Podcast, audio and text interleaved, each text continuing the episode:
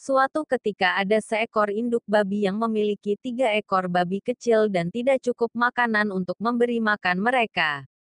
Jadi ketika mereka cukup dewasa, dia mengirim mereka ke dunia untuk mencari peruntungan. Babi kecil pertama sangat malas. Dia tidak ingin bekerja sama sekali dan dia membangun rumahnya dari jerami. Babi kecil kedua bekerja sedikit lebih keras tetapi dia juga agak malas dan dia membangun rumahnya dari kayu. Kemudian, mereka bernyanyi dan menari dan bermain bersama sepanjang hari. Babi kecil ketiga bekerja keras sepanjang hari dan membangun rumahnya dengan batu bata. Itu adalah rumah yang kokoh lengkap dengan perapian dan cerobong asap yang bagus. Sepertinya itu bisa menahan angin terkuat. Keesokan harinya, seekor serigala kebetulan melewati jalan setapak tempat tinggal tiga babi kecil, dan dia melihat rumah jerami, dan dia mencium bau babi di dalamnya. Dia mengira babi itu akan menjadi makanan yang enak dan mulutnya mulai berair. Jadi dia mengetuk pintu dan berkata, Babi kecil, babi kecil, biarkan aku masuk, biarkan aku masuk. Tetapi babi kecil melihat cakar besar serigala melalui lubang kunci. Jadi dia menjawab kembali. Tidak, tidak, tidak, bukan dengan rambut di dagu kita. Kemudian serigala menunjukkan giginya dan berkata, Lalu aku akan marah dan aku akan terengah-engah dan aku akan meledakkan rumahmu. Jadi dia mendengus dan dia mengembuskan napas dan dia menghancurkan rumah itu. Serigala membuka rahangnya sangat lebar dan menggigit sekuat tenaga, tetapi babi kecil pertama berhasil lolos dan melarikan diri untuk bersembunyi bersama babi kecil kedua. Serigala terus menyusuri jalan setapak dan dia melewati rumah kedua yang terbuat dari tongkat, dan dia melihat rumah itu, dan dia mencium bau babi di dalamnya, dan mulutnya mulai berair ketika dia memikirkan tentang makan malam enak yang akan mereka buat. Jadi dia mengetuk pintu dan berkata, Babi kecil, babi kecil, biarkan aku masuk, biarkan aku masuk. Tapi babi kecil melihat telinga runcing serigala melalui lubang kunci. Jadi mereka menjawab, Tidak, tidak, tidak, bukan dengan rambut di dagu kita. Jadi serigala menunjukkan giginya dan berkata, Lalu aku akan marah dan aku akan terengah-engah dan aku akan meledakkan rumahmu. Jadi dia mendengus dan dia mengembuskan napas dan dia menghancurkan rumah itu. Serigala itu tamak dan dia mencoba menangkap kedua babi itu sekaligus, tapi dia terlalu rakus dan tidak mendapatkan keduanya. Rahangnya yang besar tidak bisa menahan apa pun kecuali udara dan kedua babi kecil itu bergegas pergi secepat yang dibawa oleh kuku kecil mereka. Serigala mengejar mereka di jalan kecil dan dia hampir menangkap mereka.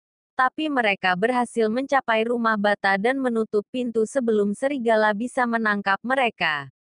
Tiga babi kecil mereka sangat ketakutan. Mereka tahu serigala ingin memakannya.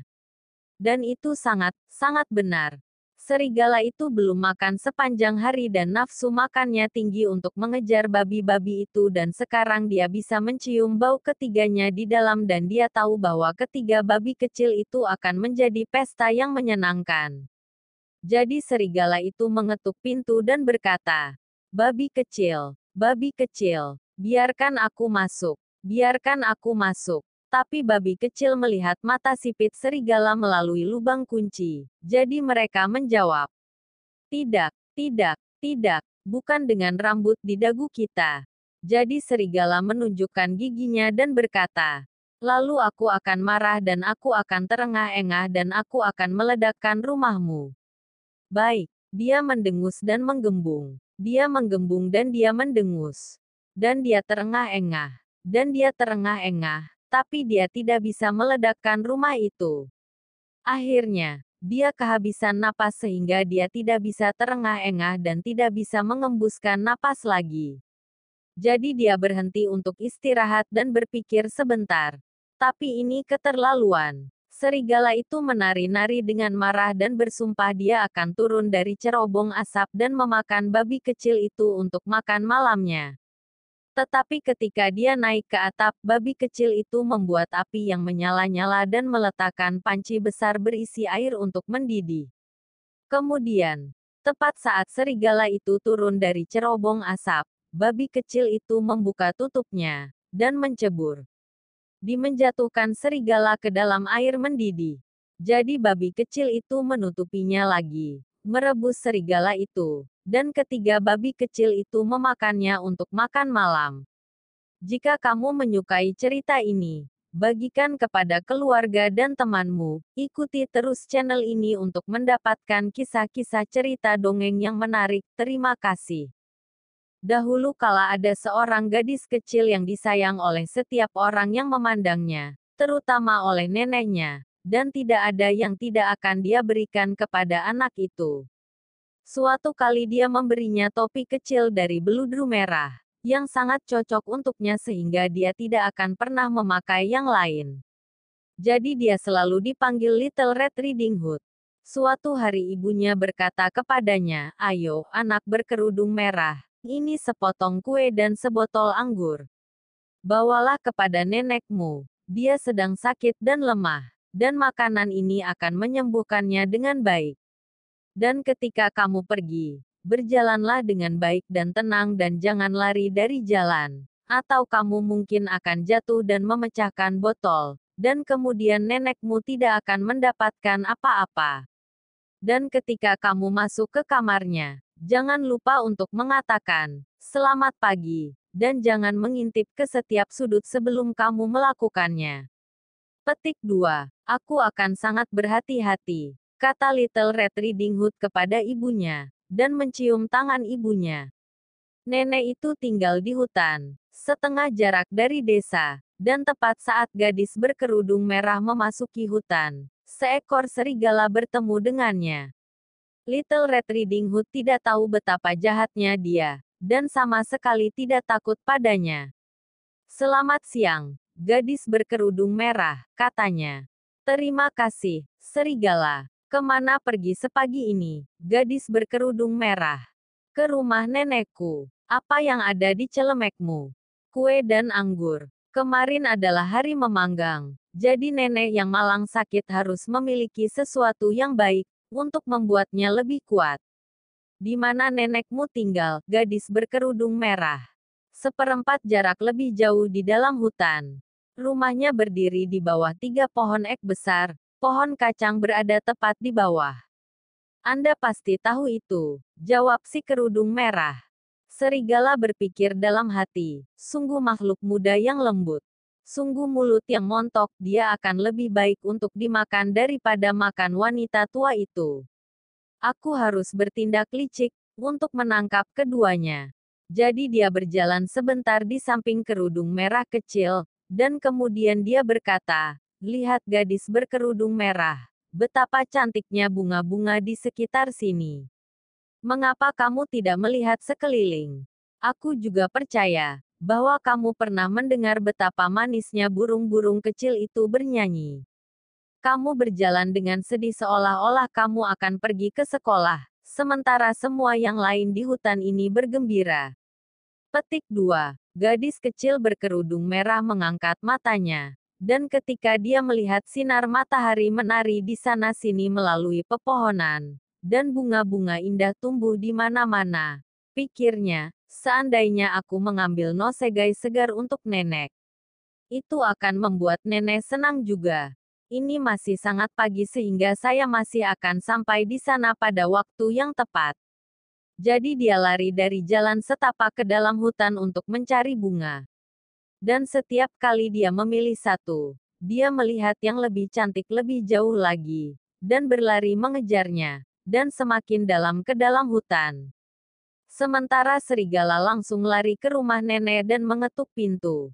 Siapa di sana? Little Red Riding Hood, jawab serigala, aku membawa kue dan anggur. Buka pintunya, angkat gerendelnya. Seru nenek, aku terlalu lemah, dan tidak bisa bangun. Serigala mengangkat selot, pintunya terbuka, dan tanpa mengucapkan sepatah kata pun dia langsung pergi ke tempat tidur nenek dan melahapnya.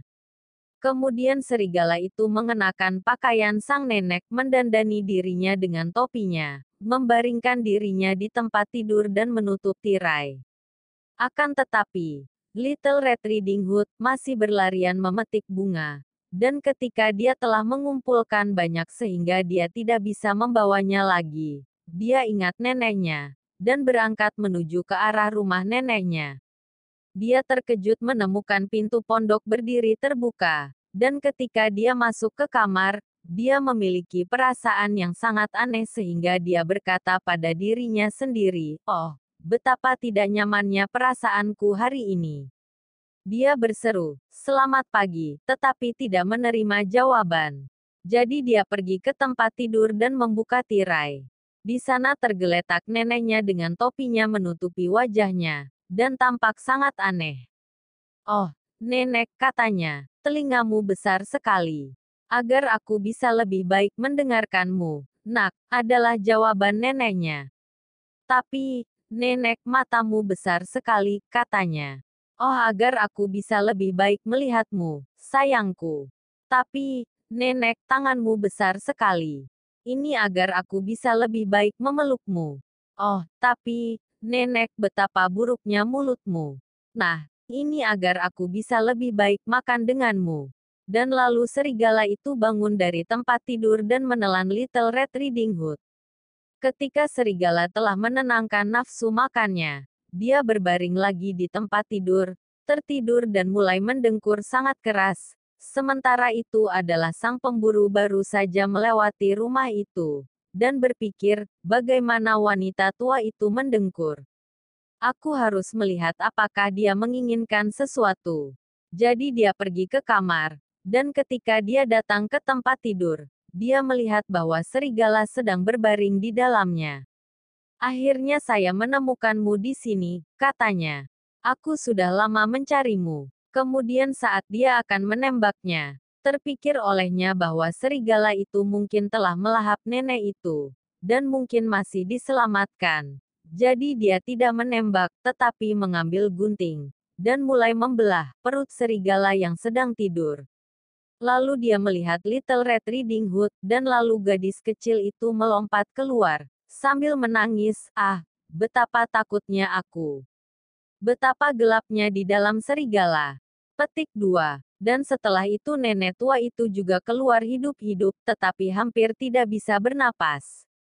Namun, Little Red Riding Hood dengan cepat mengambil batu-batu besar untuk mengisi perut serigala. Dan ketika dia serigala itu bangun, dia ingin melarikan diri. Tetapi batunya begitu berat sehingga dia segera roboh, dan jatuh mati. Kemudian ketiganya senang. Pemburu itu mencabut kulit serigala itu dan pulang dengan membawa pulang. Nenek itu memakan kue itu dan meminum anggur yang dibawa oleh Little Red Riding Hood dan dipulihkan kembali, tetapi Little Red Riding Hood berpikir dalam hati, selama aku hidup, Aku tidak akan pernah sendirian meninggalkan jalan setapak untuk berlari ke dalam hutan ketika ibuku melarangku melakukannya. Suatu kali ketika Little Red Riding Hood kembali membawa kue untuk nenek tua, ada serigala lain berbicara kepadanya, dan mencoba membujuknya. Little Red Riding Hood langsung pergi dan memberi tahu neneknya bahwa dia telah bertemu dengan serigala dan bahwa serigala itu telah mengucapkan selamat pagi kepadanya, tetapi dengan tatapan jahat di wajahnya, matanya, dia yakin dia akan memakannya. Baiklah, kata sang nenek, kita akan menutup pintu agar dia tidak masuk.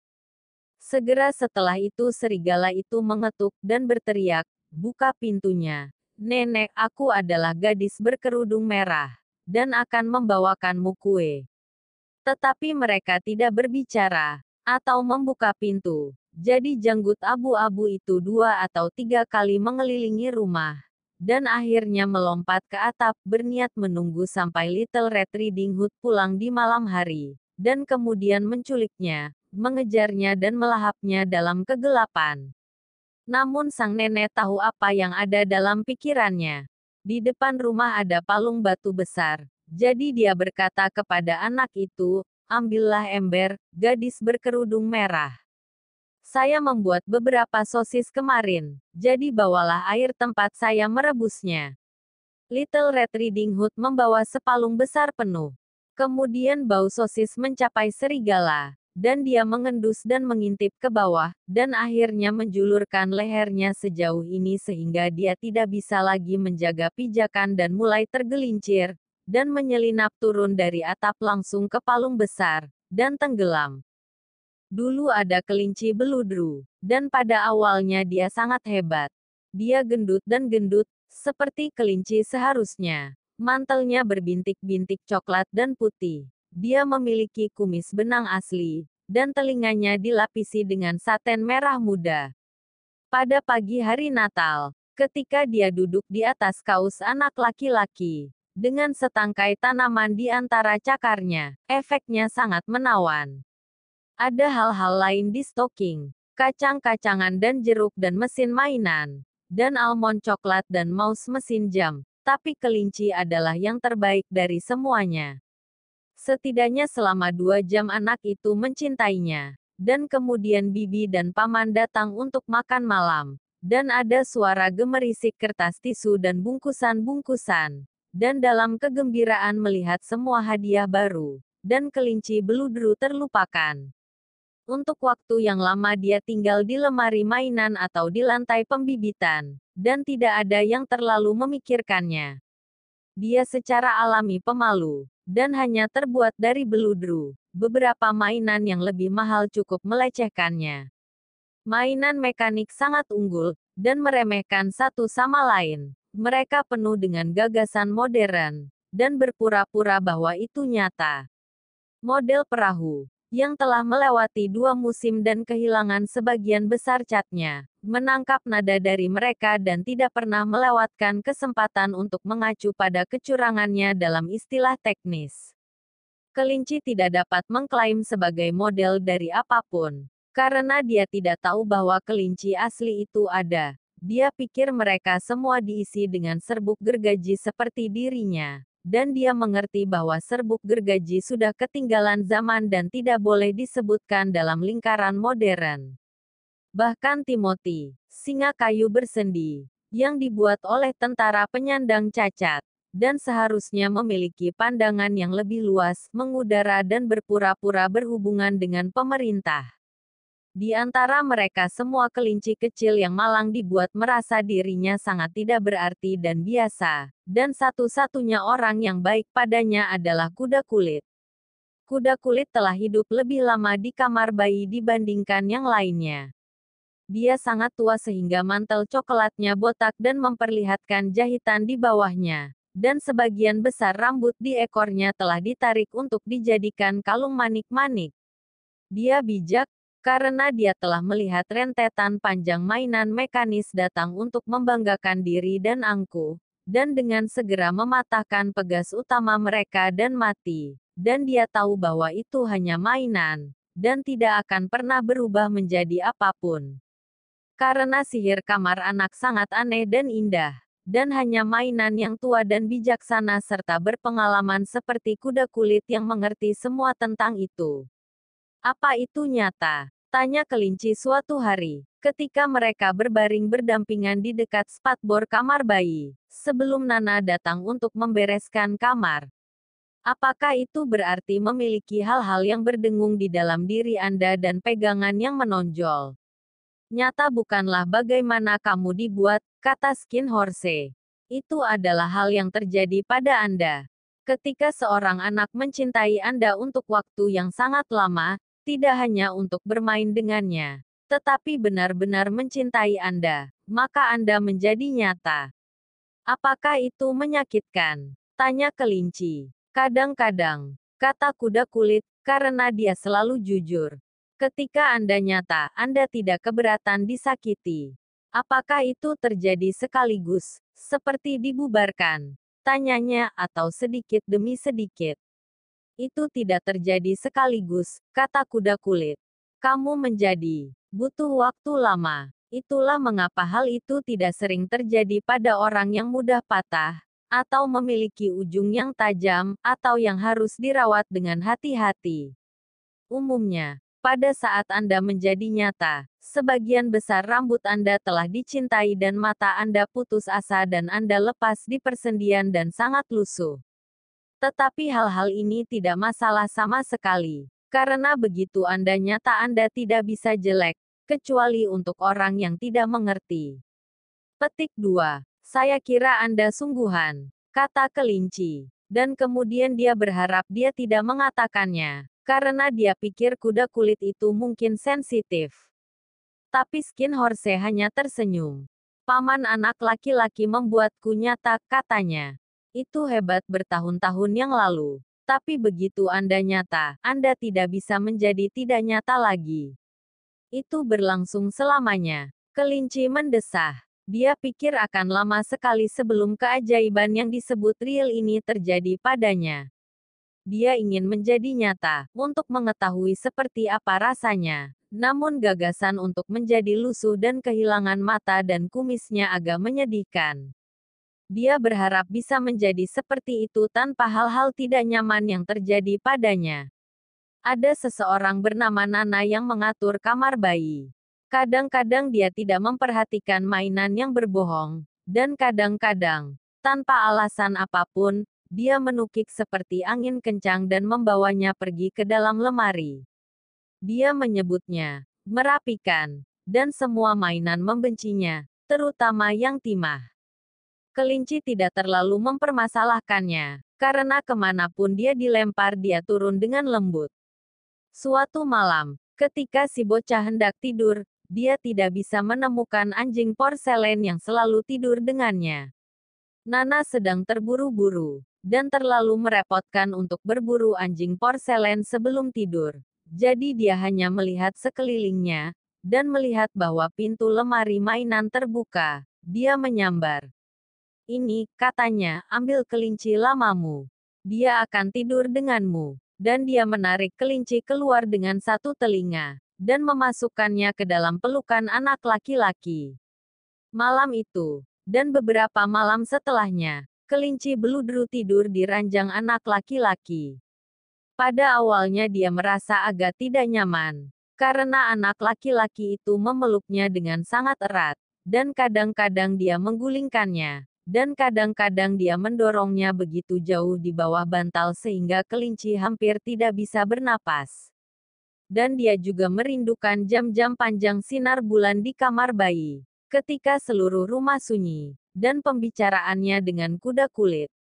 Tapi tak lama kemudian dia mulai menyukainya, karena si bocah biasa berbicara dengannya, dan membuat terowongan bagus untuknya di bawah spray yang dia katakan seperti liang tempat tinggal kelinci yang sebenarnya. Dan mereka memiliki permainan yang bagus bersama, dalam bisikan, ketika Nana pergi untuk makan malamnya dan membiarkan lampu malam menyala di atas rak perapian. Dan ketika si bocah tertidur, kelinci itu akan meringkuk di bawah dagu dan mimpinya yang kecil dan hangat.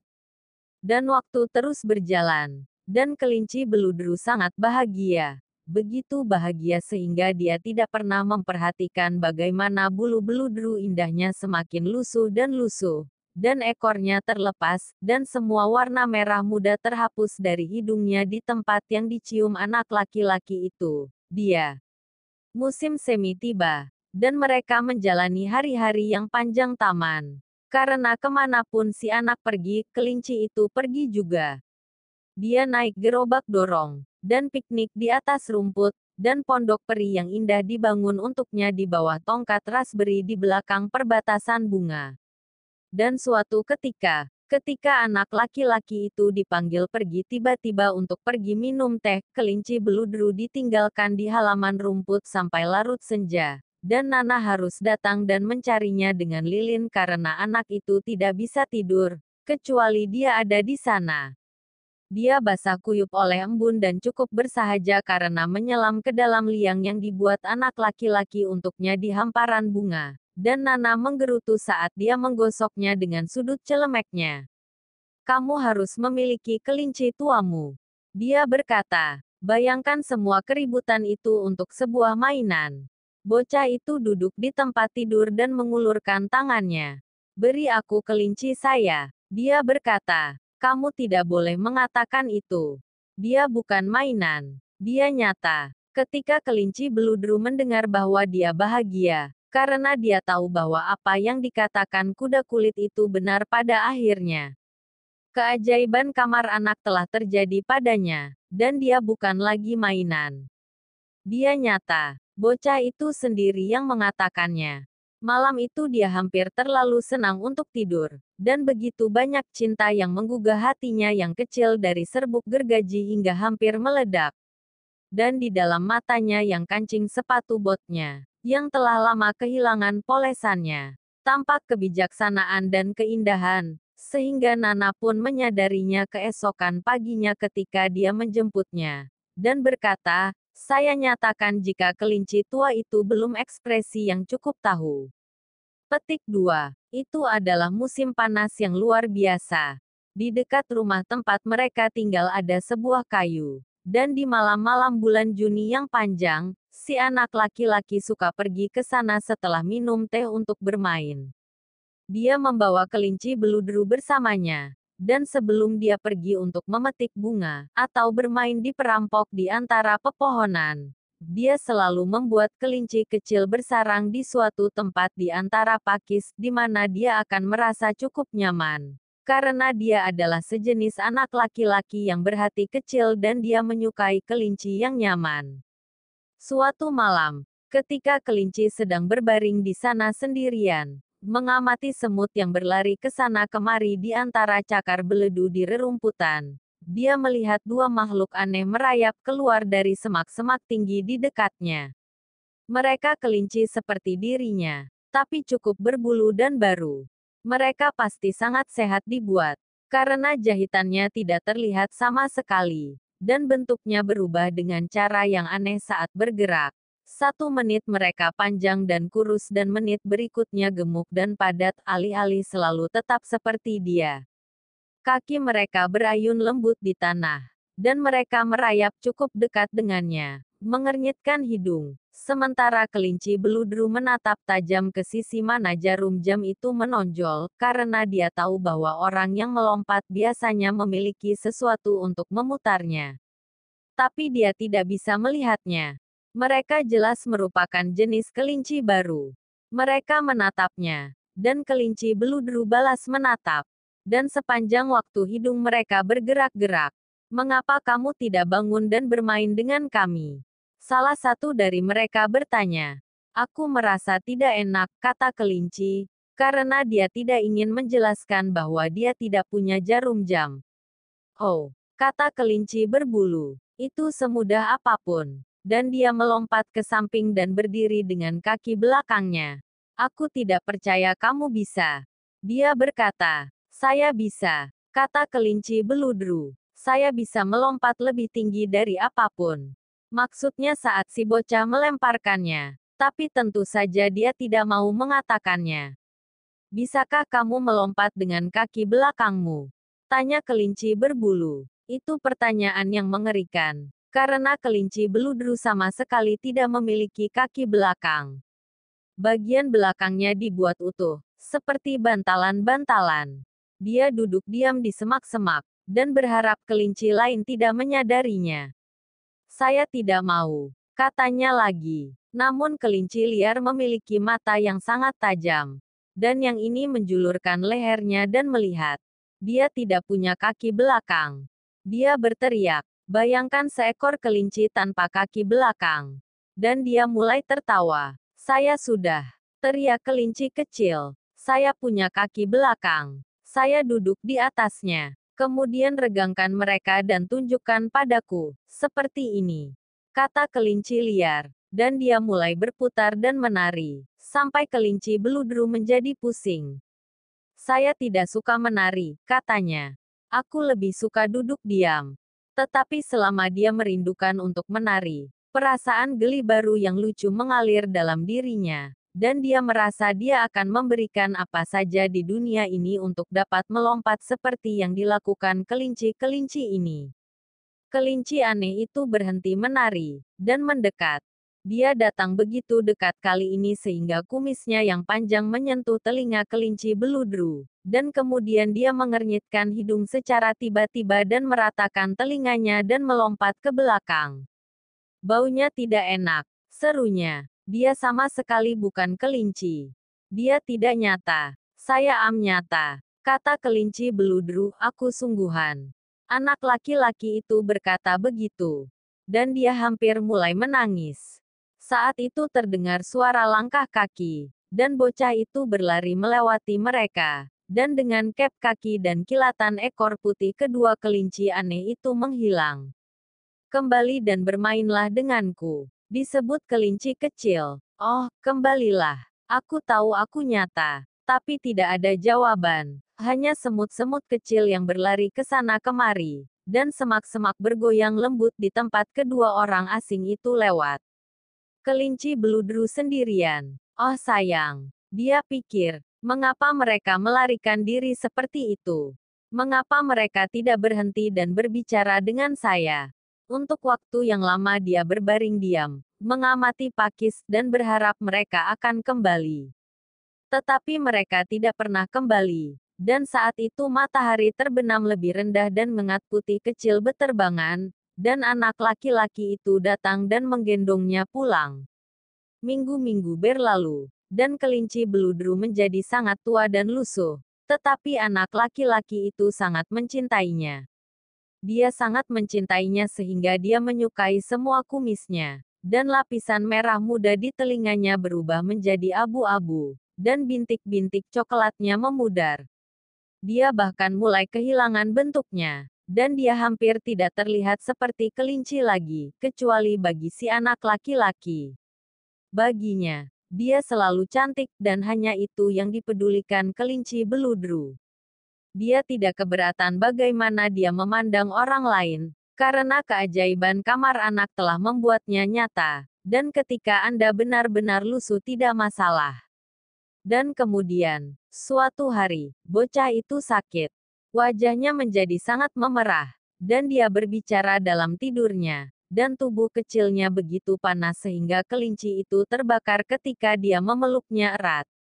Orang-orang aneh datang dan pergi ke kamar bayi, dan cahaya menyala sepanjang malam. Dan melalui itu semua kelinci beludru kecil berbaring di sana, tersembunyi dari pandangan di bawah spray. Dan dia tidak pernah bergerak karena dia takut jika mereka menemukannya. Seseorang akan membawanya pergi, dan dia tahu bahwa bocah itu membutuhkannya. Itu adalah waktu yang lama dan melelahkan, karena bocah itu terlalu sakit untuk bermain, dan kelinci beludru merasa agak membosankan karena tidak melakukan apa-apa sepanjang hari. Tapi dia meringkuk dengan sabar, dan menantikan saat anak itu akan sehat kembali dan mereka akan pergi ke taman di antara bunga-bunga dan kupu-kupu dan memainkan permainan yang bagus di semak raspberry seperti dulu.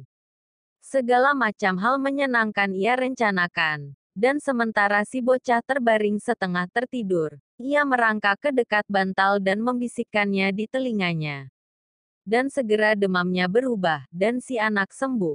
Dia bisa duduk di tempat tidur dan melihat-lihat buku bergambar, sementara kelinci beludru meringkuk di sampingnya. Dan suatu hari, mereka membiarkan dia bangun dan berpakaian. Pagi itu cerah dan cerah, dan jendelanya terbuka lebar. Mereka telah menggendong bocah itu ke balkon, terbungkus syal, dan kelinci beludru terbaring di antara spray, berpikir. Anak laki-laki itu akan pergi ke pantai besok. Semuanya sudah diatur, dan sekarang tinggal melaksanakan perintah dokter. Mereka membicarakan semuanya, sementara kelinci beludru berbaring di bawah spray, dengan hanya kepalanya yang mengintip keluar, dan mendengarkan. Ruangan itu harus didisinfeksi, dan semua buku dan mainan yang dimainkan oleh anak laki-laki itu di tempat tidur harus dibakar. Hore, pikir kelinci beludru. Besok kita akan pergi ke pantai. Karena bocah itu sering berbicara tentang pantai, dan dia sangat ingin melihat ombak besar datang, dan kepiting kecil, dan istana pasir. Saat itulah Nana melihatnya. Bagaimana dengan kelinci tuanya? Dia bertanya. Itu, kata dokter itu. Wah, Itu kumpulan kuman demam berdarah, bakar seketika. Apa? Omong kosong. Ambilkan dia yang baru. Dia pasti tidak memilikinya lagi. Maka kelinci kecil itu dimasukkan ke dalam karung dengan buku-buku bergambar tua dan banyak sampah, dan dibawa ke ujung taman di belakang kandang unggas. Itu adalah tempat yang bagus untuk membuat api unggun. Hanya saja tukang kebun itu terlalu sibuk untuk mengurusnya. Dia harus menggali kentang dan mengumpulkan kacang polong hijau. Tetapi keesokan paginya dia berjanji untuk datang lebih awal dan membakar semuanya. Malam itu si bocah tidur di kamar yang berbeda, dan dia punya kelinci baru untuk tidur dengannya. Itu adalah seekor kelinci yang luar biasa. Semuanya putih mewah dengan mata kaca asli, tapi anak laki-laki itu terlalu bersemangat untuk peduli tentang itu. Karena besok dia akan pergi ke pantai. Dan itu sendiri adalah hal yang luar biasa sehingga dia tidak bisa memikirkan hal lain.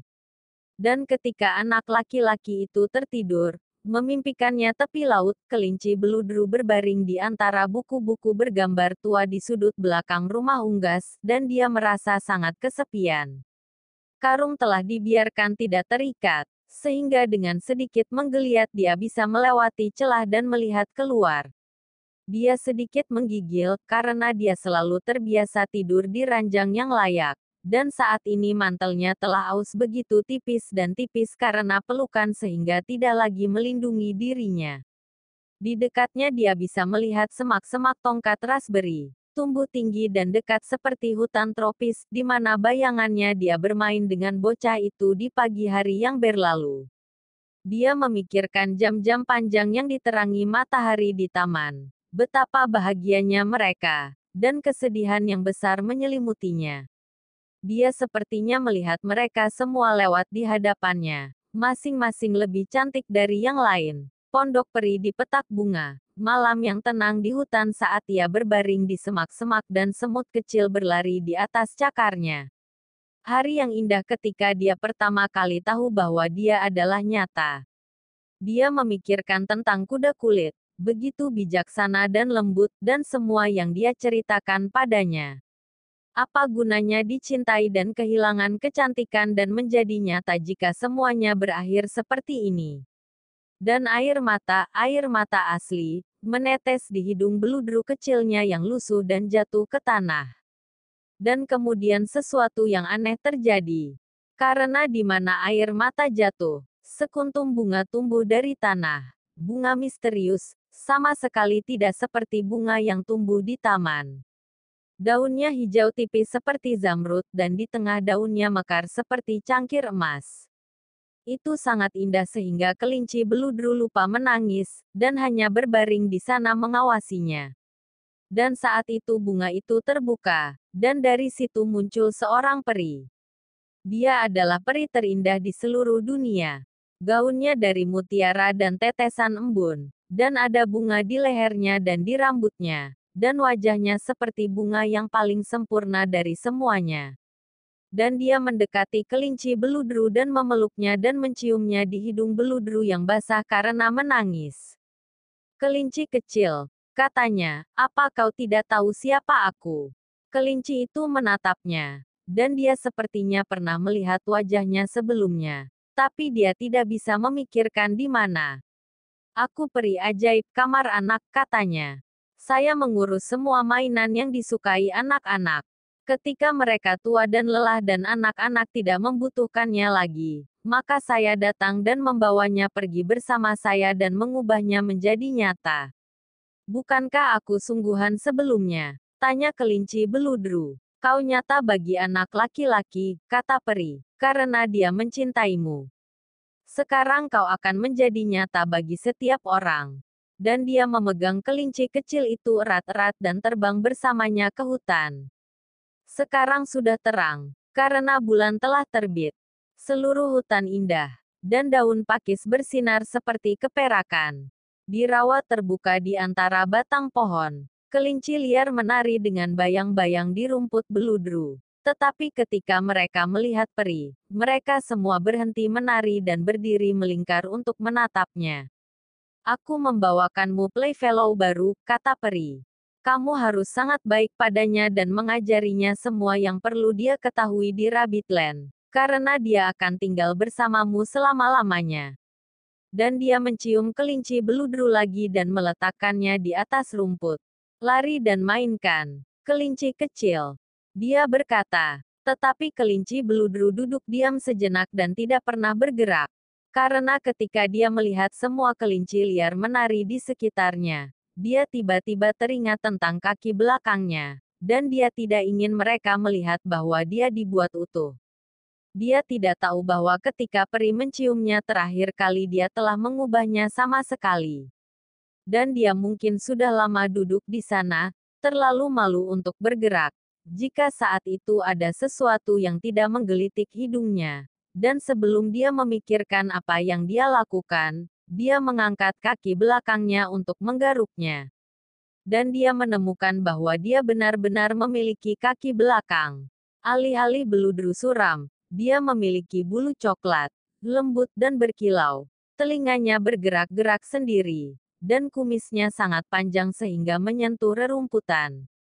Dia memberikan satu lompatan dan kegembiraan menggunakan kaki belakangnya begitu besar sehingga dia melompat ke sekitar rumput di atasnya, melompat ke samping dan berputar-putar seperti yang dilakukan yang lain. Dan dia menjadi begitu bersemangat sehingga ketika akhirnya dia berhenti untuk mencari. Peri dia telah pergi. Dia adalah kelinci sungguhan akhirnya, di rumah dengan kelinci lainnya. Musim gugur berlalu dan musim dingin, dan di musim semi, ketika hari-hari menjadi hangat dan cerah, anak laki-laki itu keluar untuk bermain di hutan di belakang rumah. Dan saat dia bermain, dua kelinci merayap keluar dari pakis dan mengintipnya. Salah satunya berwarna coklat di sekujur tubuh, tetapi yang lain memiliki tanda aneh di bawah bulunya, seolah-olah dia sudah lama terlihat, dan bintik-bintik itu masih terlihat dan tentang hidung kecilnya yang lembut dan mata hitamnya yang bulat ada sesuatu yang familiar, sehingga si bocah berpikir sendiri. Wah, dia terlihat persis seperti kelinci lamaku yang hilang saat aku menderita demam berdarah. Tetapi dia tidak pernah tahu bahwa itu benar-benar kelinci miliknya, kembali untuk melihat anak yang pertama kali membantunya menjadi nyata. Dahulu kala hiduplah seorang janda miskin dan putranya Jack. Suatu hari, Ibu Jack menyuruhnya menjual sapi satu-satunya. Jack pergi ke pasar dan dalam perjalanan dia bertemu dengan seorang pria yang ingin membeli sapinya. Jack bertanya, apa yang akan kamu berikan sebagai imbalan atas sapiku? Pria itu menjawab, aku akan memberimu lima kacang ajaib. Jack mengambil kacang ajaib itu dan memberikan sapi itu kepada pria itu. Namun sesampainya di rumah, Ibu Jack sangat marah. Dia berkata, dasar bodoh. Dia mengambil sapi Anda dan memberi Anda beberapa kacang. Dia melempar kacang itu keluar jendela. Jack sangat sedih dan pergi tidur tanpa makan malam. Keesokan harinya, ketika Jack bangun di pagi hari dan melihat keluar jendela, dia melihat sebatang kacang besar tumbuh dari biji ajaibnya. Dia memanjat pohon kacang dan mencapai kerajaan di langit.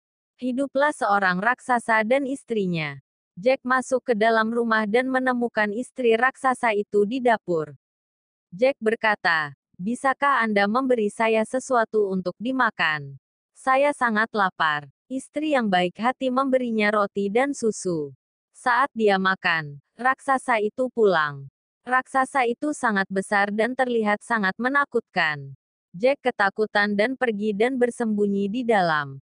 Raksasa itu berteriak, Vivi Fofum, saya mencium bau darah orang Inggris. Baik dia hidup atau mati, aku akan menggiling tulangnya untuk membuat rotiku. Istrinya berkata, tidak ada anak laki-laki di sini. Jadi, raksasa itu memakan makanannya dan kemudian pergi ke kamarnya. Dia mengeluarkan karung koin emasnya, menghitungnya dan menyimpannya. Lalu dia pergi tidur. Di malam hari, Jack keluar dari tempat persembunyiannya, mengambil satu karung koin emas dan turun dari pohon kacang. Di rumah, dia memberikan koin kepada ibunya. Ibunya sangat bahagia dan mereka hidup dengan baik untuk beberapa saat. Memanjat pohon kacang dan pergi ke rumah raksasa itu lagi. Sekali lagi, Jack meminta makanan kepada istri raksasa itu. Tetapi ketika dia makan, raksasa itu kembali. Jack melompat ketakutan dan pergi dan bersembunyi di bawah tempat tidur. Raksasa itu berteriak, Vivi Fofum, saya mencium bau darah orang Inggris. Baik dia hidup atau mati, aku akan menggiling tulangnya untuk membuat rotiku. Istrinya berkata, tidak ada anak laki-laki di sini. Raksasa itu memakan makanannya dan pergi ke kamarnya. Di sana, dia mengeluarkan seekor ayam betina. Dia berteriak lay, dan ayam betina menghasilkan telur emas. Ketika raksasa itu tertidur, Jack mengambil ayam itu dan turun dari pohon kacang. Ibu Jack sangat senang dengannya. Setelah beberapa hari, Jack sekali lagi memanjat pohon kacang dan pergi ke kastil raksasa itu. Untuk ketiga kalinya, Jack bertemu dengan istri raksasa itu dan meminta makanan. Sekali lagi, istri raksasa itu memberinya roti dan susu. Tetapi ketika Jack sedang makan, raksasa itu pulang. Vivi Fofum, aku mencium bau darah orang Inggris baik dia hidup atau mati, aku akan menggiling tulangnya untuk membuat rotiku. Teriak raksasa itu, jangan konyol, tidak ada anak laki-laki di sini. Kata istrinya, raksasa itu memiliki harpa ajaib yang bisa memainkan lagu-lagu indah. Saat raksasa itu tidur, Jack mengambil harpa itu dan hendak pergi. Tiba-tiba, harpa ajaib itu berteriak, "Tolong Tuan! Seorang anak laki-laki mencuri saya. Raksasa itu terbangun dan melihat Jack dengan harpa. Dengan geram, dia mengejar Jack. Tapi Jack terlalu cepat untuknya. Dia berlari ke bawah pohon kacang dan sampai di rumah. Raksasa itu mengikutinya. Jack dengan cepat berlari ke dalam rumahnya dan mengambil kapak. Dia mulai memotong pohon kacang. Raksasa itu jatuh dan mati. Jack dan ibunya sekarang sangat kaya dan mereka hidup bahagia selamanya.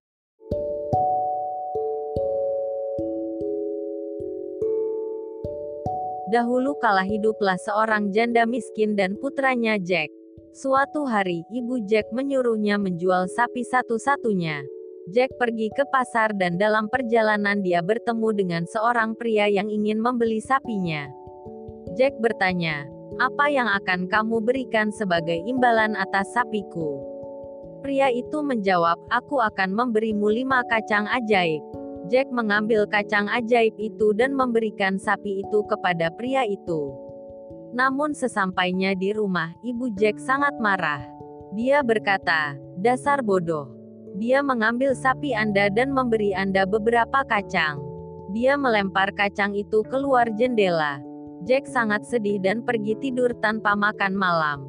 Keesokan harinya, ketika Jack bangun di pagi hari dan melihat keluar jendela, dia melihat sebatang kacang besar tumbuh dari biji ajaibnya.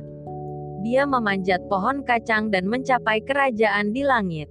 Hiduplah seorang raksasa dan istrinya. Jack masuk ke dalam rumah dan menemukan istri raksasa itu di dapur. Jack berkata, Bisakah Anda memberi saya sesuatu untuk dimakan? Saya sangat lapar. Istri yang baik hati memberinya roti dan susu. Saat dia makan, raksasa itu pulang. Raksasa itu sangat besar dan terlihat sangat menakutkan. Jack ketakutan dan pergi dan bersembunyi di dalam. Raksasa itu berteriak, Vivi Fofum, saya mencium bau darah orang Inggris baik dia hidup atau mati, aku akan menggiling tulangnya untuk membuat rotiku. Istrinya berkata, tidak ada anak laki-laki di sini. Jadi, raksasa itu memakan makanannya dan kemudian pergi ke kamarnya. Dia mengeluarkan karung koin emasnya, menghitungnya dan menyimpannya. Lalu dia pergi tidur. Di malam hari, Jack keluar dari tempat persembunyiannya, mengambil satu karung koin emas dan turun dari pohon kacang. Di rumah, dia memberikan koin kepada ibunya.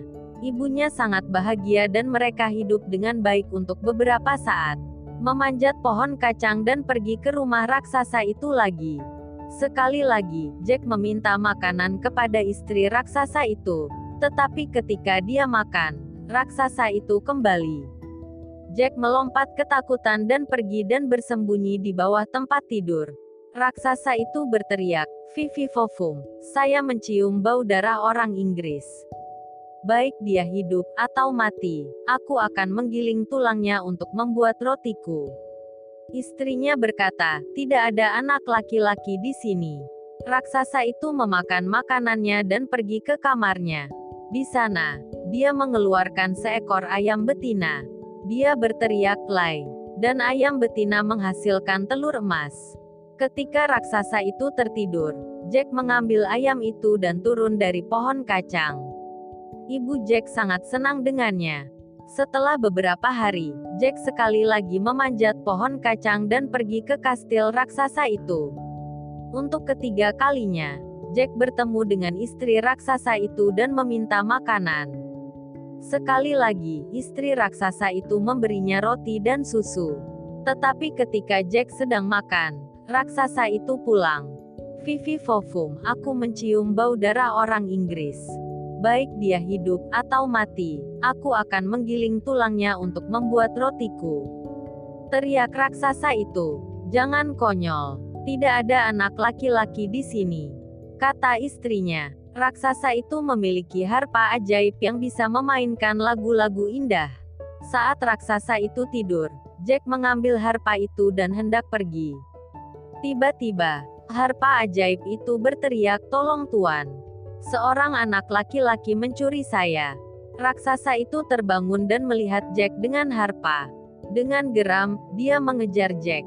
Tapi Jack terlalu cepat untuknya. Dia berlari ke bawah pohon kacang dan sampai di rumah. Raksasa itu mengikutinya. Jack dengan cepat berlari ke dalam rumahnya dan mengambil kapak. Dia mulai memotong pohon kacang. Raksasa itu jatuh dan mati. Jack dan ibunya sekarang sangat kaya dan mereka hidup bahagia selamanya.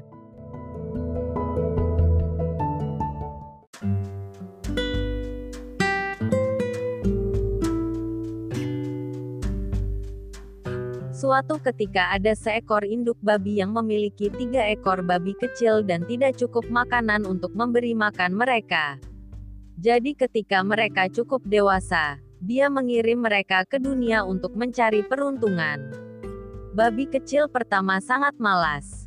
Dia tidak ingin bekerja sama sekali dan dia membangun rumahnya dari jerami. Babi kecil kedua bekerja sedikit lebih keras tetapi dia juga agak malas dan dia membangun rumahnya dari kayu. Kemudian, mereka bernyanyi dan menari dan bermain bersama sepanjang hari. Babi kecil ketiga bekerja keras sepanjang hari dan membangun rumahnya dengan batu bata. Itu adalah rumah yang kokoh lengkap dengan perapian dan cerobong asap yang bagus. Sepertinya itu bisa menahan angin terkuat. Keesokan harinya, seekor serigala kebetulan melewati jalan setapak tempat tinggal tiga babi kecil, dan dia melihat rumah jerami, dan dia mencium bau babi di dalamnya. Dia mengira babi itu akan menjadi makanan yang enak dan mulutnya mulai berair. Jadi dia mengetuk pintu dan berkata, Babi kecil, babi kecil, biarkan aku masuk, biarkan aku masuk. Tetapi babi kecil melihat cakar besar serigala melalui lubang kunci. Jadi dia menjawab kembali. Tidak, tidak, tidak, bukan dengan rambut di dagu kita. Kemudian serigala menunjukkan giginya dan berkata, Lalu aku akan marah dan aku akan terengah-engah dan aku akan meledakkan rumahmu. Jadi dia mendengus dan dia mengembuskan napas dan dia menghancurkan rumah itu. Serigala membuka rahangnya sangat lebar dan menggigit sekuat tenaga, tetapi babi kecil pertama berhasil lolos dan melarikan diri untuk bersembunyi bersama babi kecil kedua. Serigala terus menyusuri jalan setapak dan dia melewati rumah kedua yang terbuat dari tongkat, dan dia melihat rumah itu, dan dia mencium bau babi di dalamnya, dan mulutnya mulai berair ketika dia memikirkan tentang makan malam enak yang akan mereka buat. Jadi dia mengetuk pintu dan berkata, Babi kecil, babi kecil, biarkan aku masuk. Biarkan aku masuk. Tapi babi kecil melihat telinga runcing serigala melalui lubang kunci. Jadi mereka menjawab, Tidak, tidak, tidak, bukan dengan rambut di dagu kita. Jadi serigala menunjukkan giginya dan berkata, Lalu aku akan marah dan aku akan terengah-engah dan aku akan meledakkan rumahmu. Jadi dia mendengus dan dia mengembuskan napas dan dia menghancurkan rumah itu. Serigala itu tamak dan dia mencoba menangkap kedua babi itu sekaligus, tapi dia terlalu rakus dan tidak mendapatkan keduanya. Rahangnya yang besar tidak bisa menahan apa pun kecuali udara dan kedua babi kecil itu bergegas pergi secepat yang dibawa oleh kuku kecil mereka. Serigala mengejar mereka di jalan kecil dan dia hampir menangkap mereka. Tapi mereka berhasil mencapai rumah bata dan menutup pintu sebelum serigala bisa menangkap mereka. Tiga babi kecil mereka sangat ketakutan. Mereka tahu serigala ingin memakannya. Dan itu sangat, sangat benar. Serigala itu belum makan sepanjang hari dan nafsu makannya tinggi untuk mengejar babi-babi itu dan sekarang dia bisa mencium bau ketiganya di dalam dan dia tahu bahwa ketiga babi kecil itu akan menjadi pesta yang menyenangkan. Jadi serigala itu mengetuk pintu dan berkata, Babi kecil, babi kecil, biarkan aku masuk, biarkan aku masuk. Tapi babi kecil melihat mata sipit serigala melalui lubang kunci. Jadi mereka menjawab, Tidak, tidak, tidak, bukan dengan rambut di dagu kita. Jadi serigala menunjukkan giginya dan berkata, Lalu aku akan marah dan aku akan terengah-engah dan aku akan meledakkan rumahmu. Baik, dia mendengus dan menggembung. Dia menggembung dan dia mendengus. Dan dia terengah-engah. Dan dia terengah-engah tapi dia tidak bisa meledakkan rumah itu. Akhirnya, dia kehabisan napas sehingga dia tidak bisa terengah-engah dan tidak bisa mengembuskan napas lagi. Jadi dia berhenti untuk istirahat dan berpikir sebentar. Tapi ini keterlaluan. Serigala itu menari-nari dengan marah dan bersumpah dia akan turun dari cerobong asap dan memakan babi kecil itu untuk makan malamnya. Tetapi ketika dia naik ke atap, babi kecil itu membuat api yang menyala-nyala dan meletakkan panci besar berisi air untuk mendidih. Kemudian, tepat saat serigala itu turun dari cerobong asap, babi kecil itu membuka tutupnya dan mencebur. Dimenjatuhkan serigala ke dalam air mendidih. Jadi babi kecil itu menutupinya lagi merebus serigala itu, dan ketiga babi kecil itu memakannya untuk makan malam. Jika kamu menyukai cerita ini, bagikan kepada keluarga dan temanmu. Ikuti terus channel ini untuk mendapatkan kisah-kisah cerita dongeng yang menarik. Terima kasih.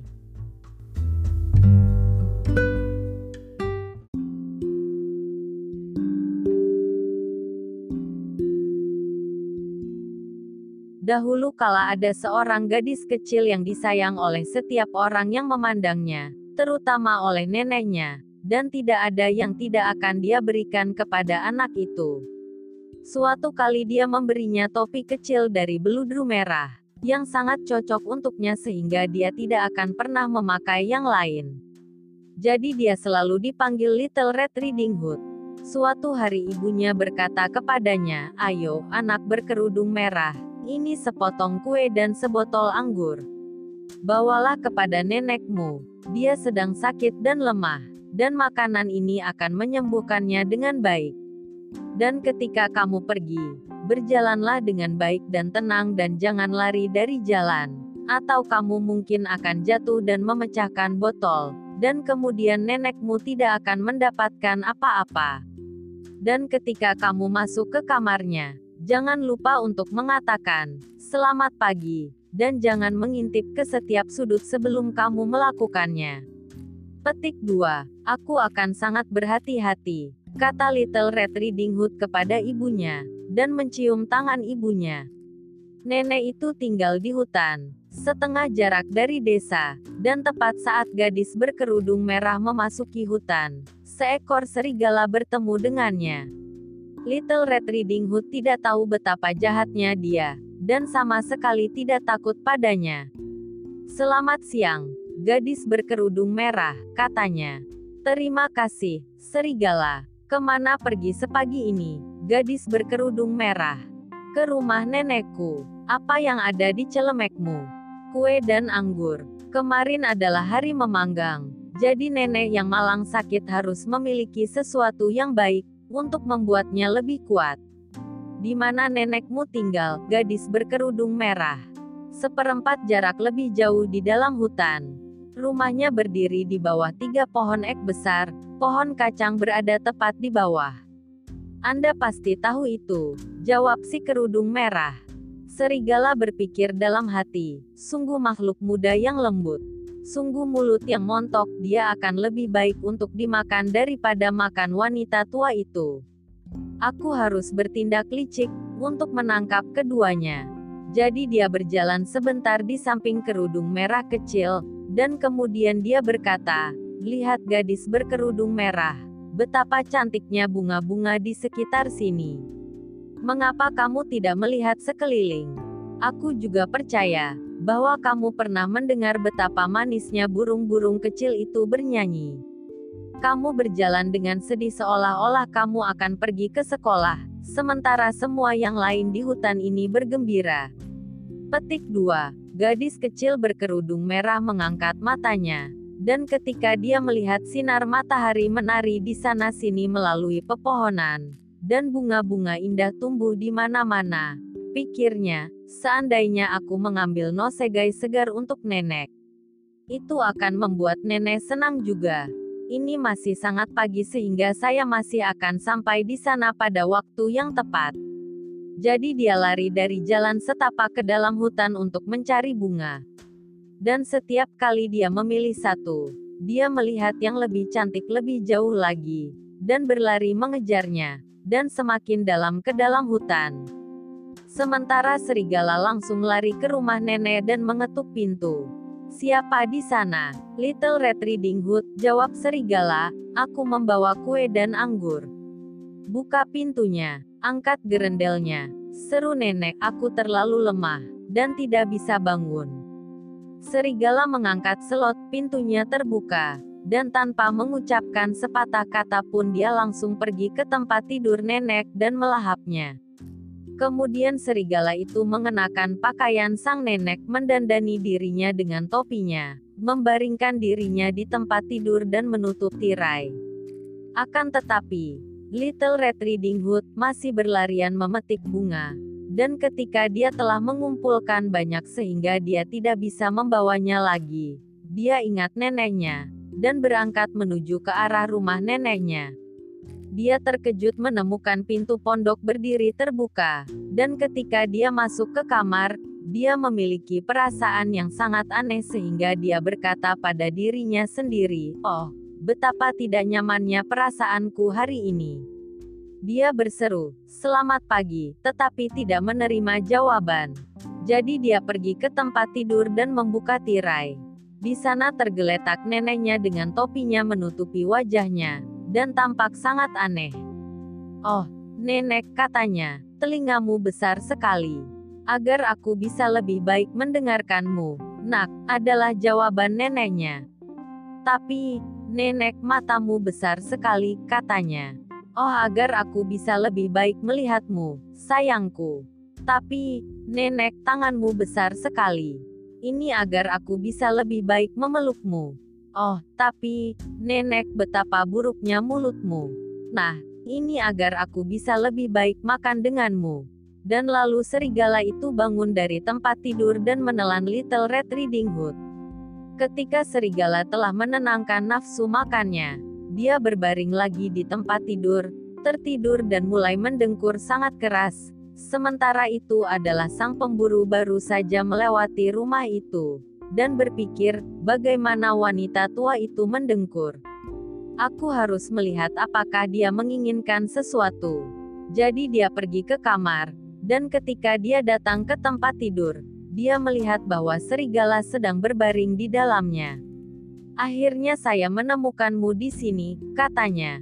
Aku sudah lama mencarimu. Kemudian saat dia akan menembaknya, terpikir olehnya bahwa serigala itu mungkin telah melahap nenek itu, dan mungkin masih diselamatkan. Jadi dia tidak menembak, tetapi mengambil gunting, dan mulai membelah perut serigala yang sedang tidur.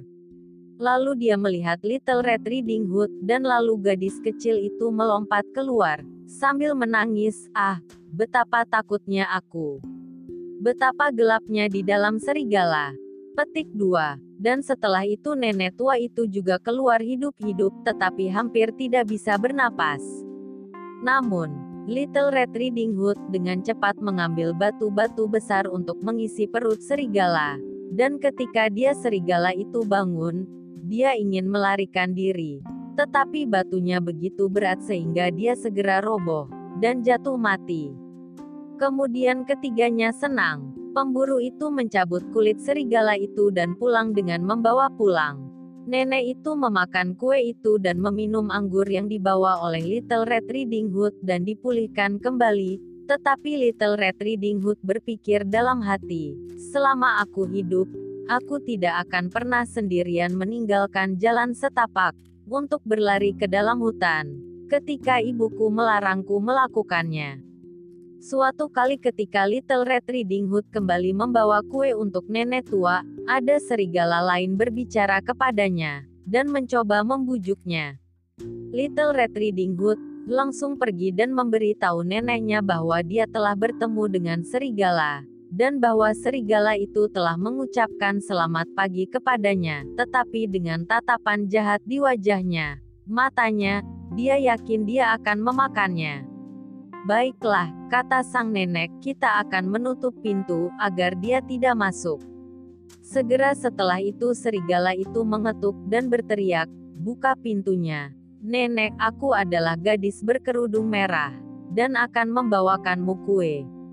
Tetapi mereka tidak berbicara, atau membuka pintu. Jadi janggut abu-abu itu dua atau tiga kali mengelilingi rumah dan akhirnya melompat ke atap berniat menunggu sampai Little Red Riding Hood pulang di malam hari, dan kemudian menculiknya, mengejarnya dan melahapnya dalam kegelapan. Namun sang nenek tahu apa yang ada dalam pikirannya. Di depan rumah ada palung batu besar, jadi dia berkata kepada anak itu, ambillah ember, gadis berkerudung merah. Saya membuat beberapa sosis kemarin jadi bawalah air tempat saya merebusnya. Little Red Riding Hood membawa sepalung besar penuh. Kemudian bau sosis mencapai serigala, dan dia mengendus dan mengintip ke bawah, dan akhirnya menjulurkan lehernya sejauh ini sehingga dia tidak bisa lagi menjaga pijakan dan mulai tergelincir, dan menyelinap turun dari atap langsung ke palung besar, dan tenggelam.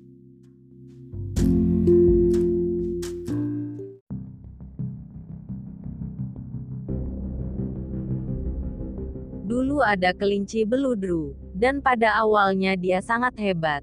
Dia gendut dan gendut, seperti kelinci seharusnya. Mantelnya berbintik-bintik coklat dan putih. Dia memiliki kumis benang asli, dan telinganya dilapisi dengan saten merah muda. Pada pagi hari Natal, ketika dia duduk di atas kaus anak laki-laki, dengan setangkai tanaman di antara cakarnya, efeknya sangat menawan. Ada hal-hal lain di stocking, kacang-kacangan dan jeruk dan mesin mainan, dan almond coklat dan mouse mesin jam, tapi kelinci adalah yang terbaik dari semuanya.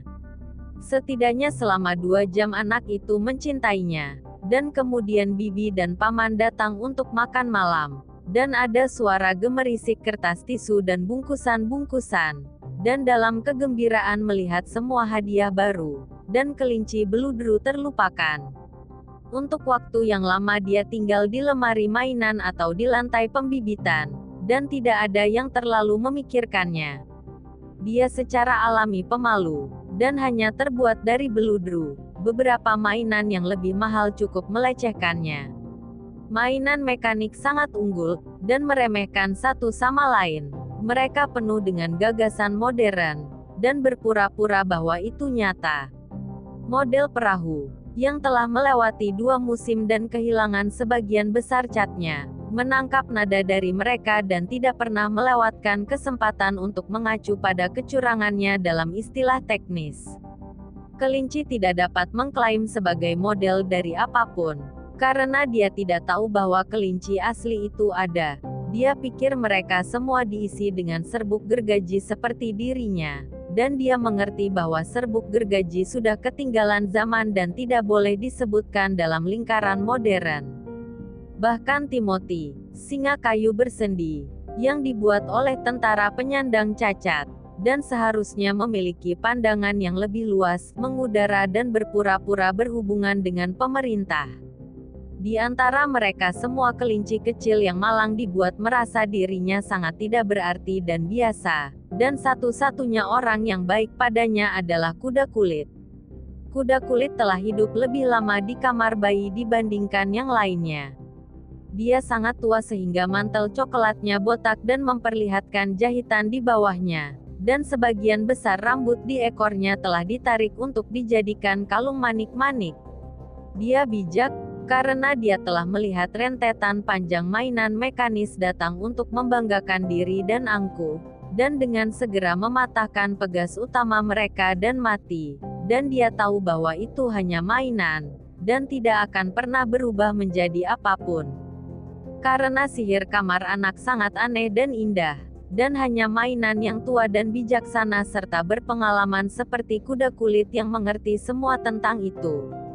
Apa itu nyata? Tanya kelinci suatu hari, ketika mereka berbaring berdampingan di dekat spatbor kamar bayi, sebelum Nana datang untuk membereskan kamar.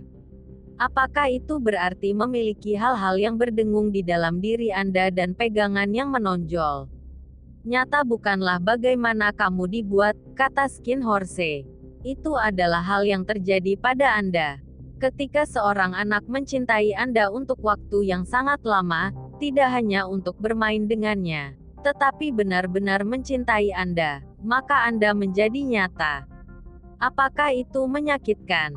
Tanya kelinci. Kadang-kadang, kata kuda kulit, karena dia selalu jujur. Ketika Anda nyata, Anda tidak keberatan disakiti. Apakah itu terjadi sekaligus, seperti dibubarkan? Tanyanya, atau sedikit demi sedikit. Itu tidak terjadi sekaligus, kata kuda kulit. Kamu menjadi, butuh waktu lama. Itulah mengapa hal itu tidak sering terjadi pada orang yang mudah patah, atau memiliki ujung yang tajam, atau yang harus dirawat dengan hati-hati. Umumnya, pada saat Anda menjadi nyata, sebagian besar rambut Anda telah dicintai dan mata Anda putus asa dan Anda lepas di persendian dan sangat lusuh. Tetapi hal-hal ini tidak masalah sama sekali, karena begitu Anda nyata Anda tidak bisa jelek, kecuali untuk orang yang tidak mengerti. Petik 2. Saya kira Anda sungguhan, kata kelinci. Dan kemudian dia berharap dia tidak mengatakannya, karena dia pikir kuda kulit itu mungkin sensitif. Tapi Skin Horse hanya tersenyum. Paman anak laki-laki membuatku nyata, katanya. Itu hebat bertahun-tahun yang lalu. Tapi begitu Anda nyata, Anda tidak bisa menjadi tidak nyata lagi. Itu berlangsung selamanya. Kelinci mendesah. Dia pikir akan lama sekali sebelum keajaiban yang disebut real ini terjadi padanya. Dia ingin menjadi nyata, untuk mengetahui seperti apa rasanya. Namun gagasan untuk menjadi lusuh dan kehilangan mata dan kumisnya agak menyedihkan. Dia berharap bisa menjadi seperti itu tanpa hal-hal tidak nyaman yang terjadi padanya. Ada seseorang bernama Nana yang mengatur kamar bayi. Kadang-kadang dia tidak memperhatikan mainan yang berbohong, dan kadang-kadang, tanpa alasan apa pun, dia menukik seperti angin kencang dan membawanya pergi ke dalam lemari. Dia menyebutnya merapikan, dan semua mainan membencinya, terutama yang timah kelinci tidak terlalu mempermasalahkannya, karena ke mana pun dia dilempar dia turun dengan lembut. Suatu malam, ketika si bocah hendak tidur, dia tidak bisa menemukan anjing porselen yang selalu tidur dengannya. Nana sedang terburu-buru, dan terlalu merepotkan untuk berburu anjing porselen sebelum tidur. Jadi dia hanya melihat sekelilingnya, dan melihat bahwa pintu lemari mainan terbuka. Dia menyambar. Ini, katanya, ambil kelinci lamamu. Dia akan tidur denganmu. Dan dia menarik kelinci keluar dengan satu telinga. dan memasukkannya ke dalam pelukan anak laki-laki. Malam itu, dan beberapa malam setelahnya, kelinci beludru tidur di ranjang anak laki-laki. Pada awalnya dia merasa agak tidak nyaman, karena anak laki-laki itu memeluknya dengan sangat erat, dan kadang-kadang dia menggulingkannya, dan kadang-kadang dia mendorongnya begitu jauh di bawah bantal sehingga kelinci hampir tidak bisa bernapas. Dan dia juga merindukan jam-jam panjang sinar bulan di kamar bayi ketika seluruh rumah sunyi, dan pembicaraannya dengan kuda kulit. Tapi tak lama kemudian dia mulai menyukainya, karena si bocah biasa berbicara dengannya, dan membuat terowongan bagus untuknya di bawah spray yang dia katakan seperti liang tempat tinggal kelinci yang sebenarnya. Dan mereka memiliki permainan yang bagus bersama, dalam bisikan, ketika Nana pergi untuk makan malamnya dan membiarkan lampu malam menyala di atas rak perapian. Dan ketika si bocah tertidur, kelinci itu akan meringkuk di bawah dagu dan mimpinya yang kecil dan hangat. Dan waktu terus berjalan, dan kelinci beludru sangat bahagia. Begitu bahagia sehingga dia tidak pernah memperhatikan bagaimana bulu beludru indahnya semakin lusuh dan lusuh dan ekornya terlepas, dan semua warna merah muda terhapus dari hidungnya di tempat yang dicium anak laki-laki itu. Dia. Musim semi tiba, dan mereka menjalani hari-hari yang panjang taman. Karena ke mana pun si anak pergi, kelinci itu pergi juga. Dia naik gerobak dorong, dan piknik di atas rumput, dan pondok peri yang indah dibangun untuknya di bawah tongkat raspberry di belakang perbatasan bunga.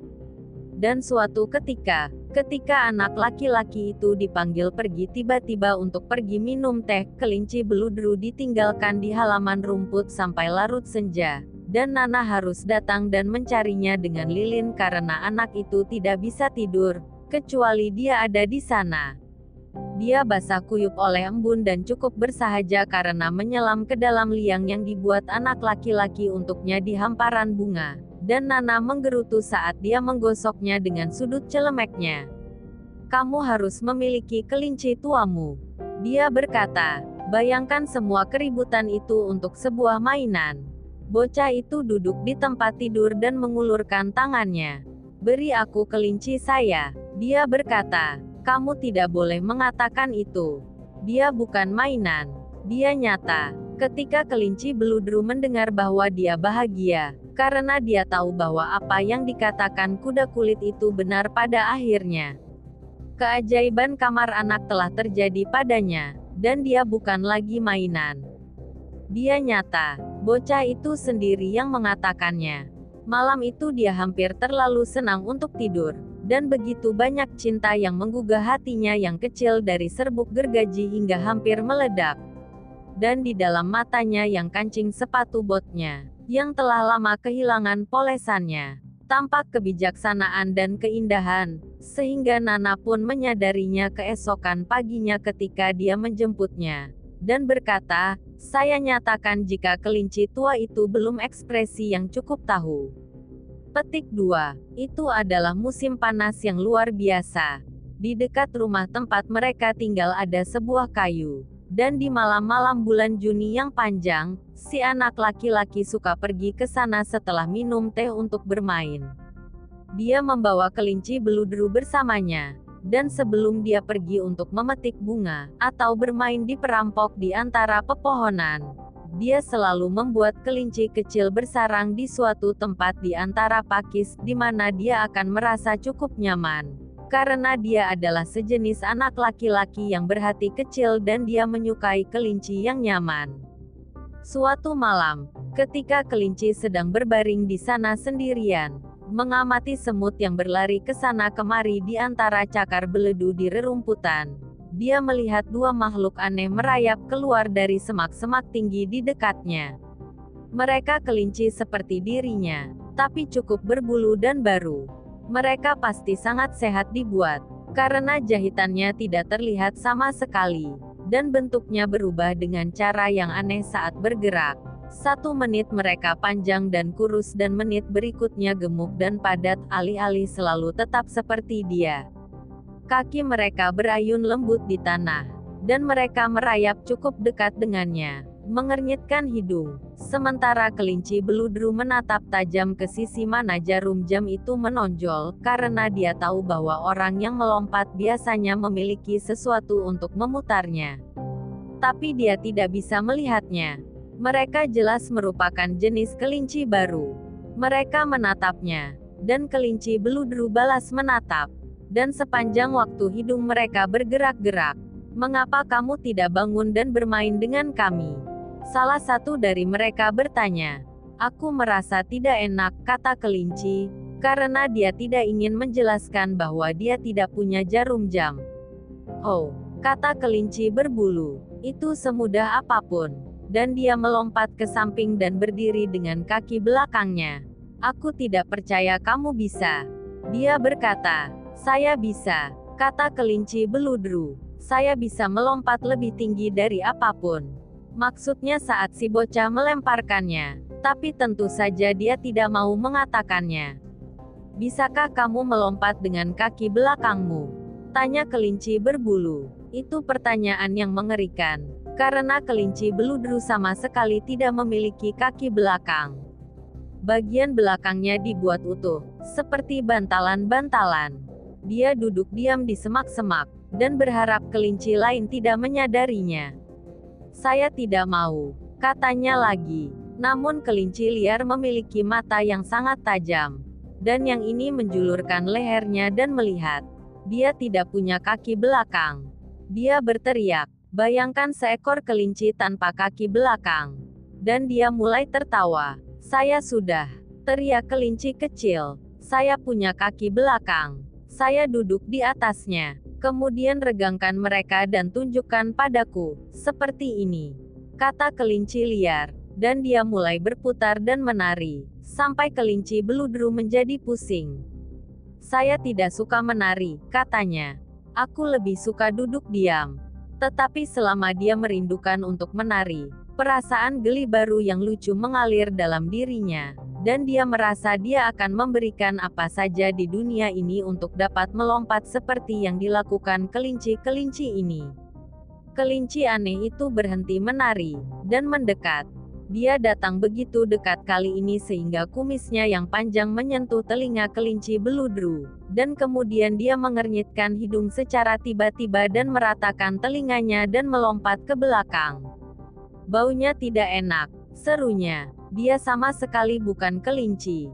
Dia tidak nyata. Saya am nyata. Kata kelinci beludru, aku sungguhan.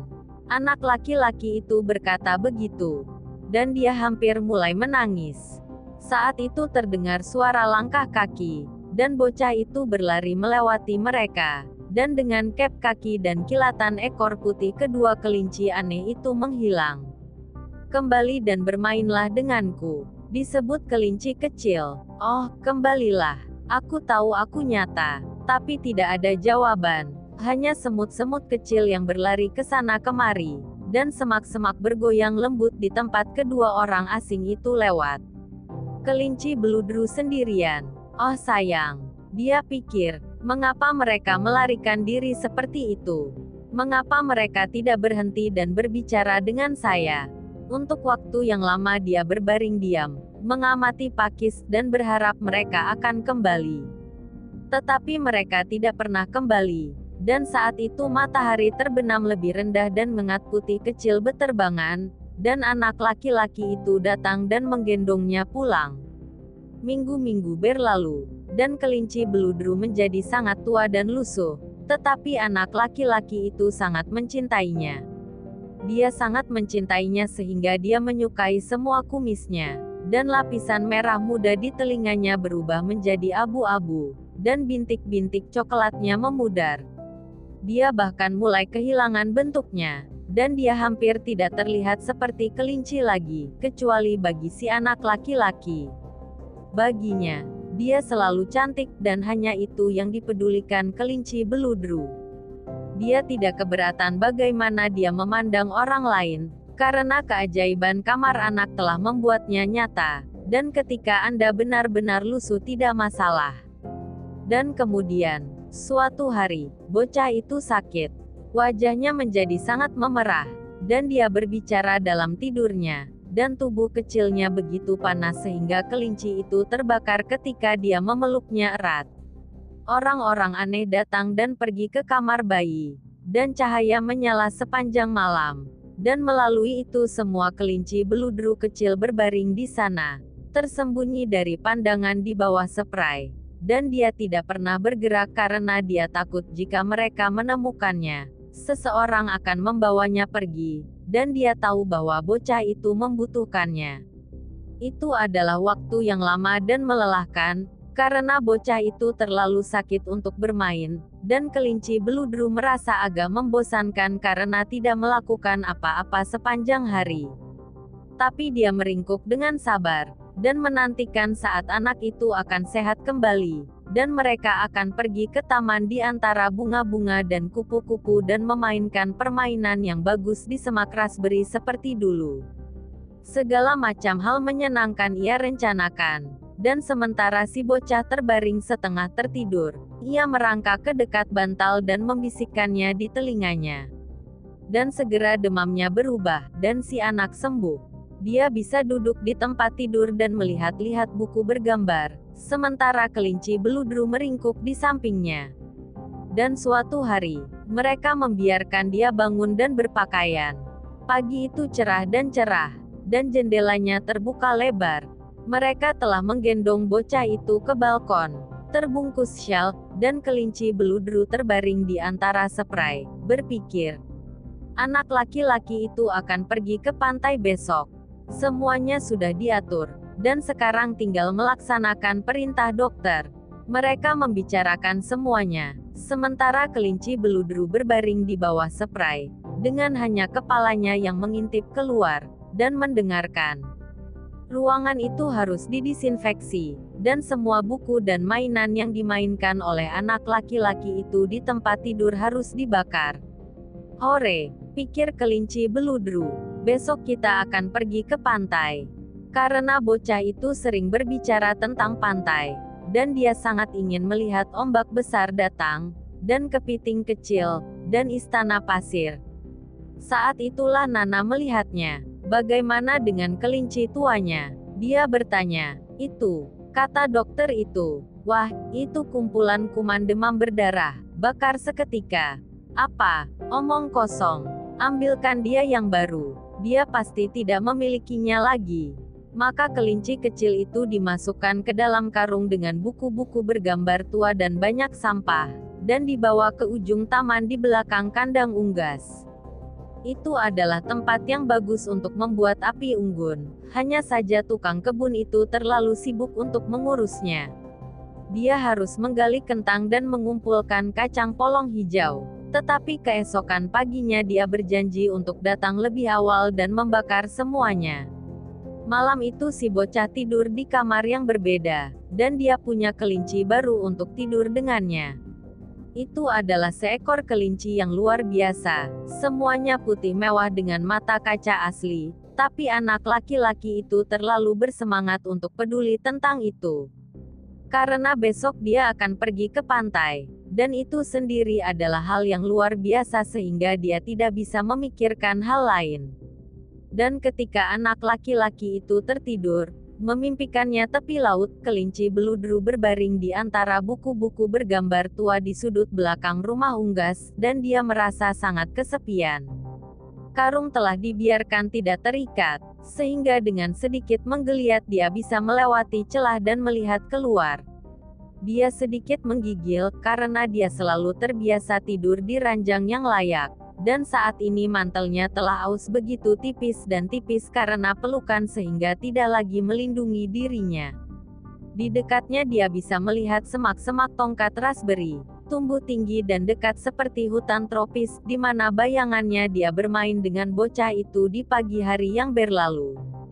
Dia memikirkan jam-jam panjang yang diterangi matahari di taman.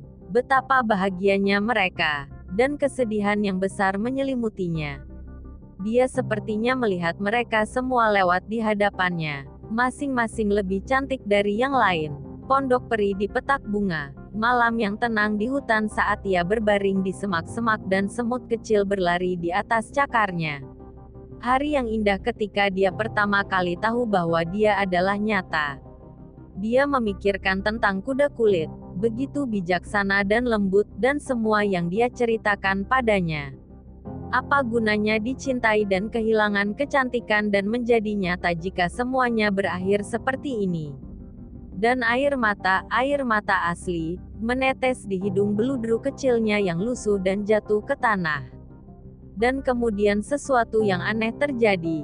Karena di mana air mata jatuh, sekuntum bunga tumbuh dari tanah.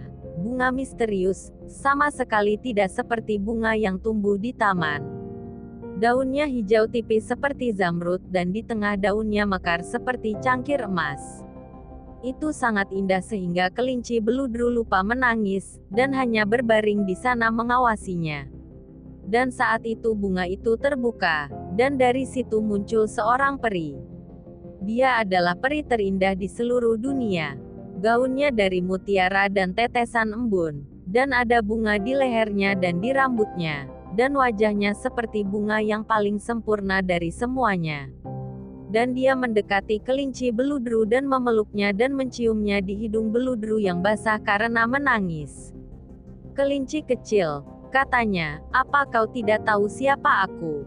Kelinci itu menatapnya, dan dia sepertinya pernah melihat wajahnya sebelumnya, tapi dia tidak bisa memikirkan di mana. Aku peri ajaib kamar anak, katanya. Saya mengurus semua mainan yang disukai anak-anak Ketika mereka tua dan lelah dan anak-anak tidak membutuhkannya lagi, maka saya datang dan membawanya pergi bersama saya dan mengubahnya menjadi nyata. Bukankah aku sungguhan sebelumnya? Tanya kelinci beludru. Kau nyata bagi anak laki-laki, kata peri, karena dia mencintaimu. Sekarang kau akan menjadi nyata bagi setiap orang. Dan dia memegang kelinci kecil itu erat-erat dan terbang bersamanya ke hutan. Sekarang sudah terang, karena bulan telah terbit. Seluruh hutan indah, dan daun pakis bersinar seperti keperakan.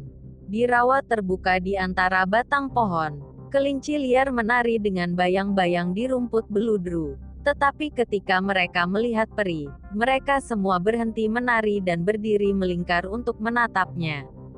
Aku membawakanmu playfellow baru, kata peri. Kamu harus sangat baik padanya dan mengajarinya semua yang perlu dia ketahui di Rabbitland, karena dia akan tinggal bersamamu selama-lamanya. Dan dia mencium kelinci beludru lagi dan meletakkannya di atas rumput. Lari dan mainkan, kelinci kecil. Dia berkata, tetapi kelinci beludru duduk diam sejenak dan tidak pernah bergerak. Karena ketika dia melihat semua kelinci liar menari di sekitarnya, dia tiba-tiba teringat tentang kaki belakangnya, dan dia tidak ingin mereka melihat bahwa dia dibuat utuh. Dia tidak tahu bahwa ketika peri menciumnya terakhir kali dia telah mengubahnya sama sekali. Dan dia mungkin sudah lama duduk di sana, terlalu malu untuk bergerak. Jika saat itu ada sesuatu yang tidak menggelitik hidungnya, dan sebelum dia memikirkan apa yang dia lakukan, dia mengangkat kaki belakangnya untuk menggaruknya. Dan dia menemukan bahwa dia benar-benar memiliki kaki belakang. Alih-alih beludru suram, dia memiliki bulu coklat, lembut dan berkilau. Telinganya bergerak-gerak sendiri, dan kumisnya sangat panjang sehingga menyentuh rerumputan. Dia memberikan satu lompatan dan kegembiraan menggunakan kaki belakangnya begitu besar sehingga dia melompat ke sekitar rumput di atasnya, melompat ke samping dan berputar-putar seperti yang dilakukan yang lain. Dan dia menjadi begitu bersemangat sehingga ketika akhirnya dia berhenti untuk mencari. Peri dia telah pergi. Dia adalah kelinci sungguhan akhirnya, di rumah dengan kelinci lainnya. Musim gugur berlalu dan musim dingin, dan di musim semi, ketika hari-hari menjadi hangat dan cerah, anak laki-laki itu keluar untuk bermain di hutan di belakang rumah. Dan saat dia bermain, dua kelinci merayap keluar dari pakis dan mengintipnya. Salah satunya berwarna coklat di sekujur tubuh, tetapi yang lain memiliki tanda aneh di bawah bulunya. Seolah-olah dia sudah lama terlihat, dan bintik-bintik itu masih terlihat. Dan tentang hidung kecilnya yang lembut dan mata hitamnya yang bulat ada sesuatu yang familiar, sehingga si bocah berpikir sendiri. Wah, dia terlihat persis seperti kelinci lamaku yang hilang saat aku menderita demam berdarah. Tetapi dia tidak pernah tahu bahwa itu benar-benar kelinci miliknya, kembali untuk melihat anak yang pertama kali membantunya menjadi nyata. And now, Please listen carefully, you will hear the story about gold cucumber Timun moss folklore. Here we go. Gold cucumber Timun moss folklore In ancient times, there lived a husband and wife farmers. They live in a village near the forest. They live happily. Unfortunately, they haven't had any children. Every day they pray to the Almighty. They prayed for a child to come soon. One day a giant passed their residence. The giant heard the prayer of the husband and wife. Then the giant gave them a cucumber seed. Plant these seeds. Later you will get a daughter, said the giant. Thank you, giant, said the husband and wife. But there are a prerequisite. At the age of 17 you have to hand over the child to me, said the giant. The husband and wife really miss a child. Therefore, without thinking they are agree. The farmer's husband and wife then planted the cucumber seeds. Every day they take good care of the growing plants. Months later, a golden cucumber grew. The cucumber fruit was getting bigger and heavier over time. When the fruit was ripe, they picked it. They carefully cut the fruit. To their surprise, in the fruit they found a very beautiful baby girl. The husband and wife are very happy. They named the baby Timun Moss. Years passed. Timun Moss grows into a beautiful girl. Both of his parents were very proud of him. But they became very scared. Because on Timun Mas's 17th birthday, the giant came back. The giant won the promise to take Timun Moss. The farmer tried to calm down. Wait a minute. Timun Moss is playing. My wife will call him, he said. The farmer immediately met his son. Anaku, Take this, he said, handing him a cloth sack. This will help you fight the giants. Now run as fast as you can, he said. Satimun Mas immediately fled. The husband and wife were saddened by the departure of Timun Mas. But they are not willing if their child becomes a giant's food. The giants waited a long time. He became impatient. He knew that the husband and wife had lied to him. Then he destroyed the farmer's cottage. Then he chased Timun Mas to the forest. The giant immediately ran after Timun Mas. The giant is getting closer. Timun Mas immediately took a handful of salt from his cloth bag. Then the salt was sprinkled towards the giant. Suddenly a vast sea spread. The giant had to swim with difficulty. Timun Mas ran again. But then the giants almost succeeded in following him. Timun Mas took the magic object back from his pocket. He took a handful of chili. He threw the chili at the monster. Instantly a tree with twigs and sharp thorns traps the giant. The monster screamed in pain. While Timun Mas ran to save himself. But the giants are really strong. He again almost caught Timun Mas. Satimun moss also released the third magic object. It spreads the magic cucumber seeds. Suddenly a very large cucumber orchard grew. The monster is very tired and hungry. He also ate the fresh cucumbers greedily. Because he ate too much, the giant fell asleep. Timun Mas escaped again. He ran as fast as he could. But over time his energy ran out. Worse still because the giant woke up from his sleep. The monster again almost caught him. Timun Moss is very scared. He also threw his last weapon, a handful of shrimp paste. Miracles happen again. A vast mud lake stretches out. The monster plunged into it. His hand almost reached Timun Moss. But the mud lake pulled it to the bottom. Giant panic. He could not breathe, then drowned. Timun Mas Lega. It has survived. Timun Mas also returned to his parents' house. Dad and mom Timun Mas are very happy to see Timun Mas safe. They welcomed him. Thank you, God. You have saved my son, they said happily. Since then, Timun Mas has been able to live peacefully with his parents. They can live happily ever after.